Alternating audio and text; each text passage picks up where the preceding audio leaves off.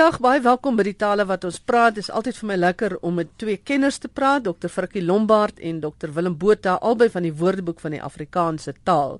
Nou Frikkie, ons begin by jou met 'n uh, nogal 'n vreemde navraag. Dis 'n luisteraar van Pretoria wat vra, "Wat is anafilaktiese skok. Ek het nog nooit daarvan gehoor. Ja, wel ek uh, ek moes gaan kyk dit natuurlik ook want uh, dit is nou vir my interessant waar die luisteraar daaraan gekom een of ander mediese joernaal of uh, boek moet dit wees. Die woord anafilakse kom uit Grieks en dit beteken onmiddellike hypersensitiwiteit. Met ander woorde iets wat spontaan en vinnig oor jou kom is 'n oorgevoeligheid of 'n toenemende gevoeligheid.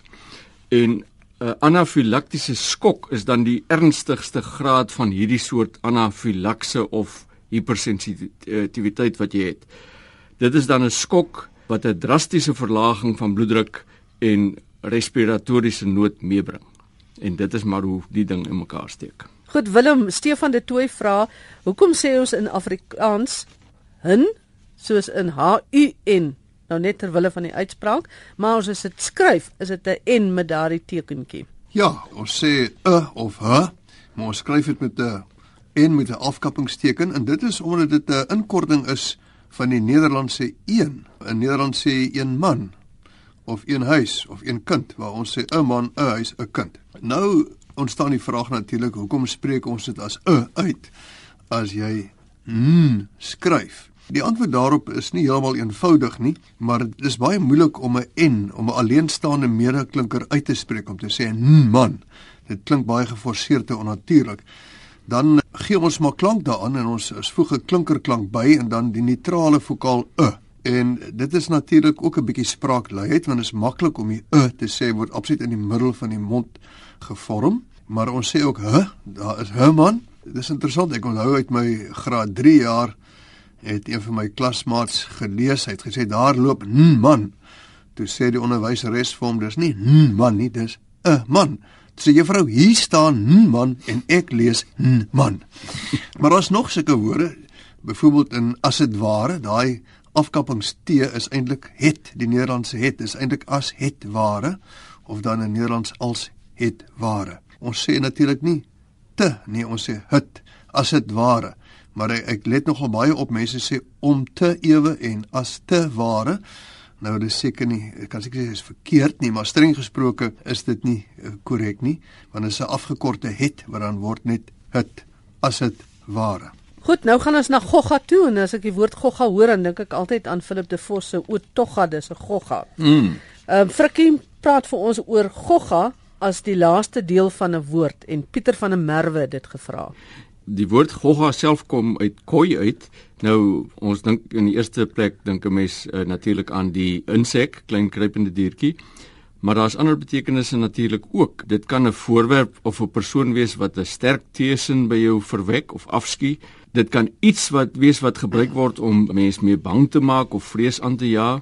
En dit kan ook 'n lelike of 'n grouwe fout of 'n onjuistheid wees of 'n wanvoorstelling van iets. En natuurlik die laaste een wat ons ken is ook 'n so sketselde sketsende troetelnaam wat jy veral vir 'n kind of 'n vrou sal gebruik. Nou waar die gogga as die laaste stam sê maar van 'n samestelling voorkom, kan dit soms uh, negatief wees. En dan sluit dit aan by hierdie betekenis van 'n lelike of 'n grouwe fout of onjuistheid, soos byvoorbeeld 'n taalgogga dit is dan iets in die taal wat onjuis is of verkeerd voorgestel word. Of ons kry 'n rekenaar gogga, jy weet iets wat verkeerd gaan met die met die rekenaar. Die soort van ding of 'n setwerk gogga, iets wat jy dikwels in opstelle sê maar kry wat kinders skryf wat telkens verkeerd is.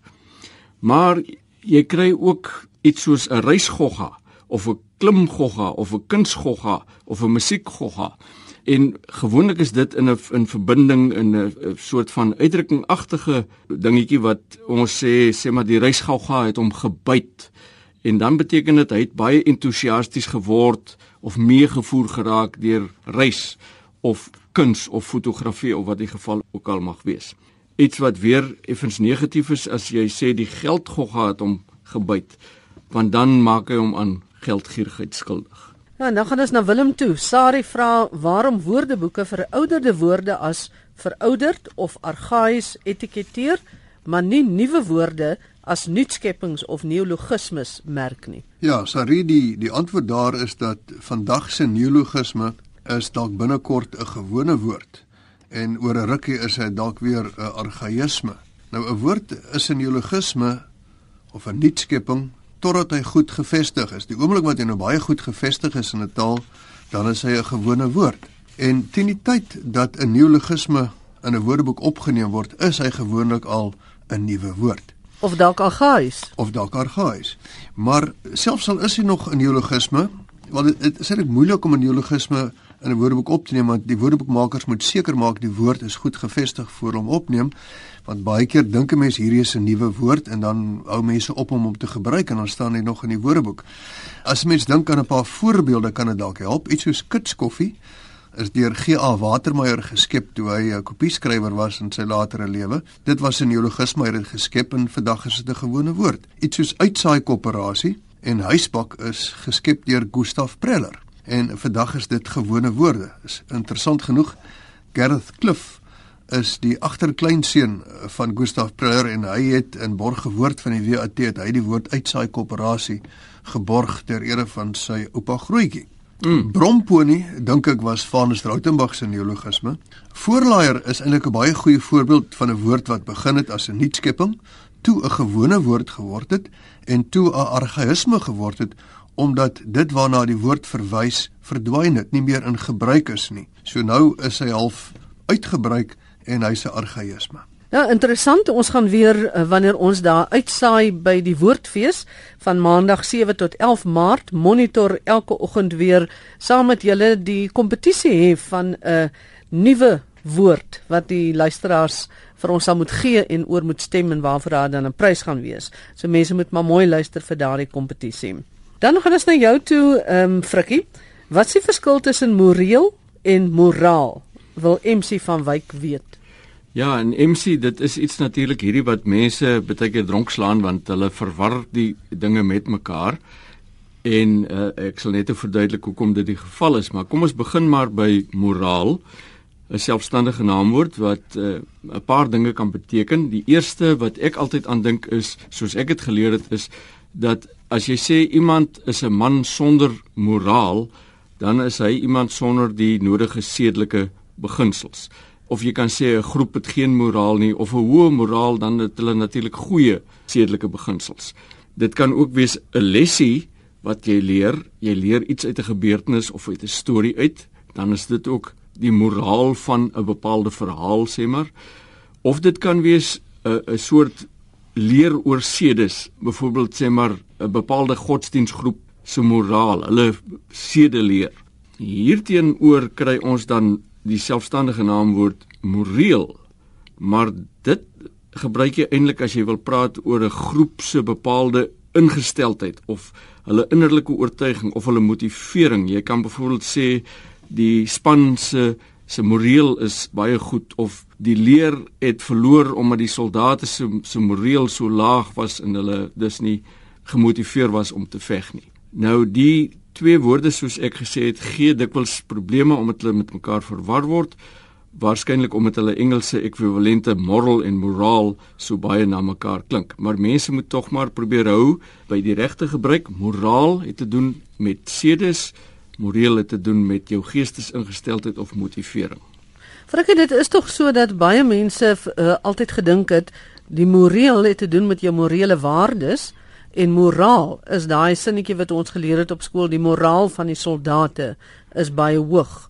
Ja. Uh, dit, uh hoekom sou dit so wees dat dat so baie mense dit verkeerd gehad het? Ek dink dis juist hierdie verwarring, jy weet, wat voorkom van die Engels en 'n groter verwarring is nog dat moraal se byvoeglike gebruik is moreel. Jy praat van hy's 'n man van hoë morele beginsels en dan beteken dit jy praat eintlik van 'n man met 'n hoë moraal.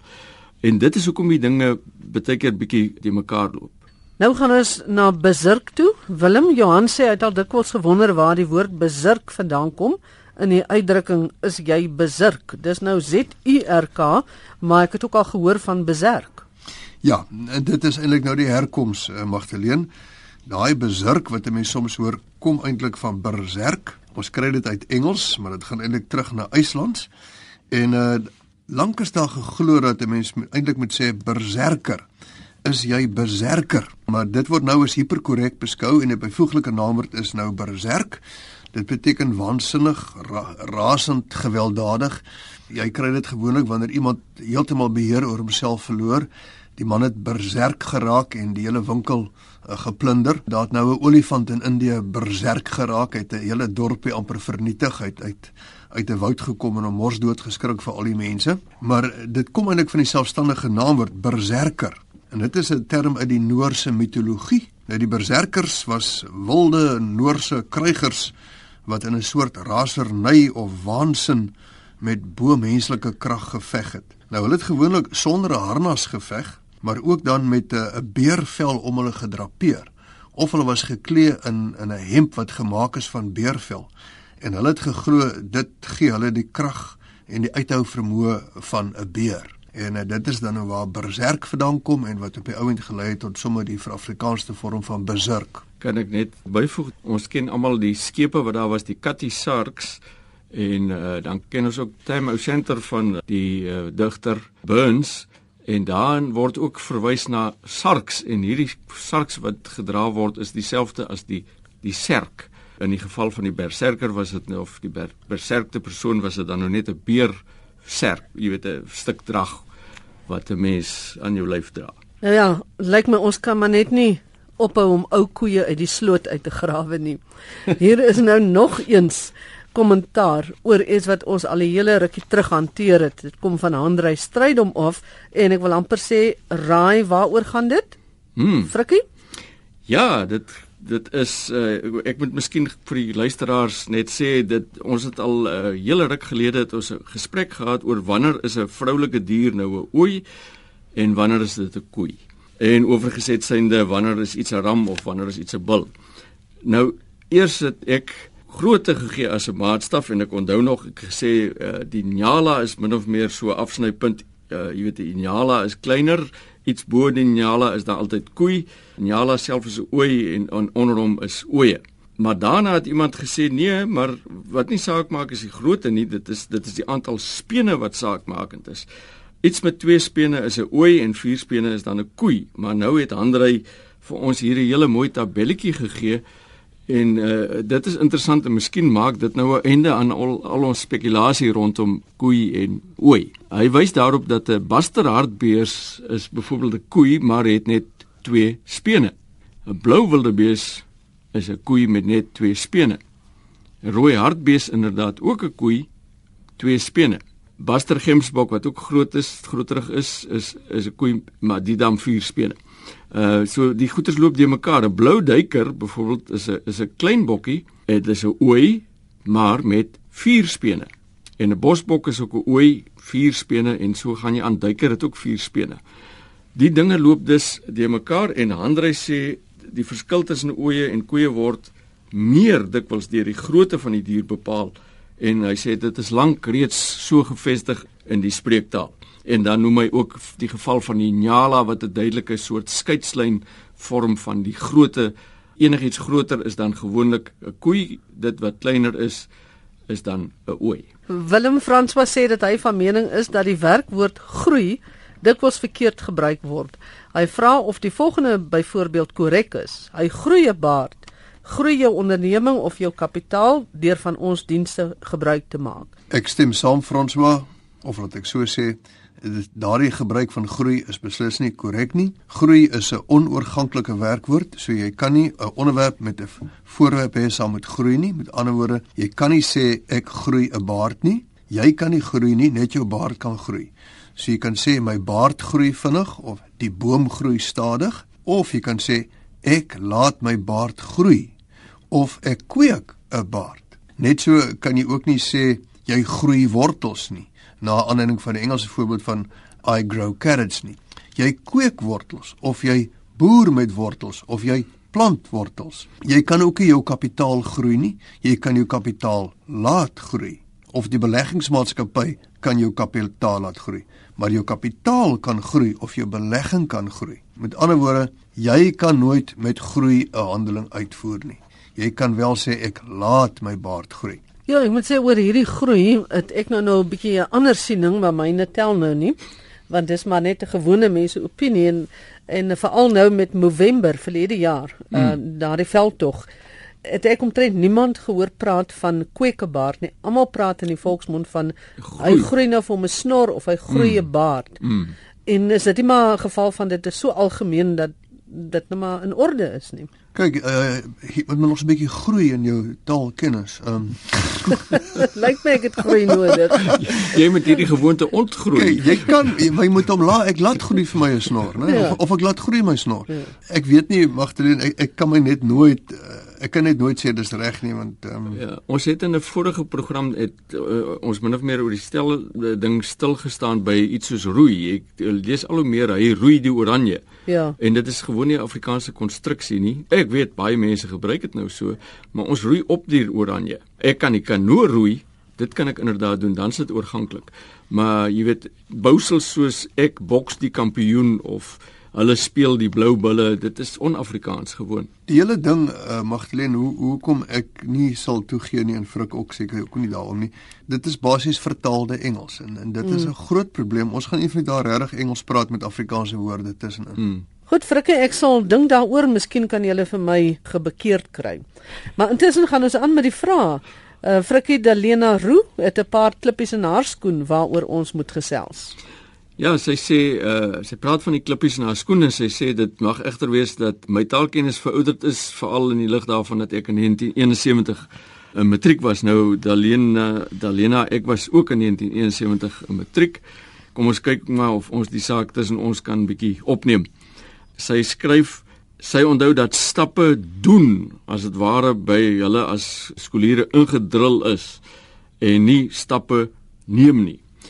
Nou ek het bietjie gaan loer en Daleen Miller se skryf Afrikaans verkondig nog eerder dat ons doen eerder as neem moet gebruik.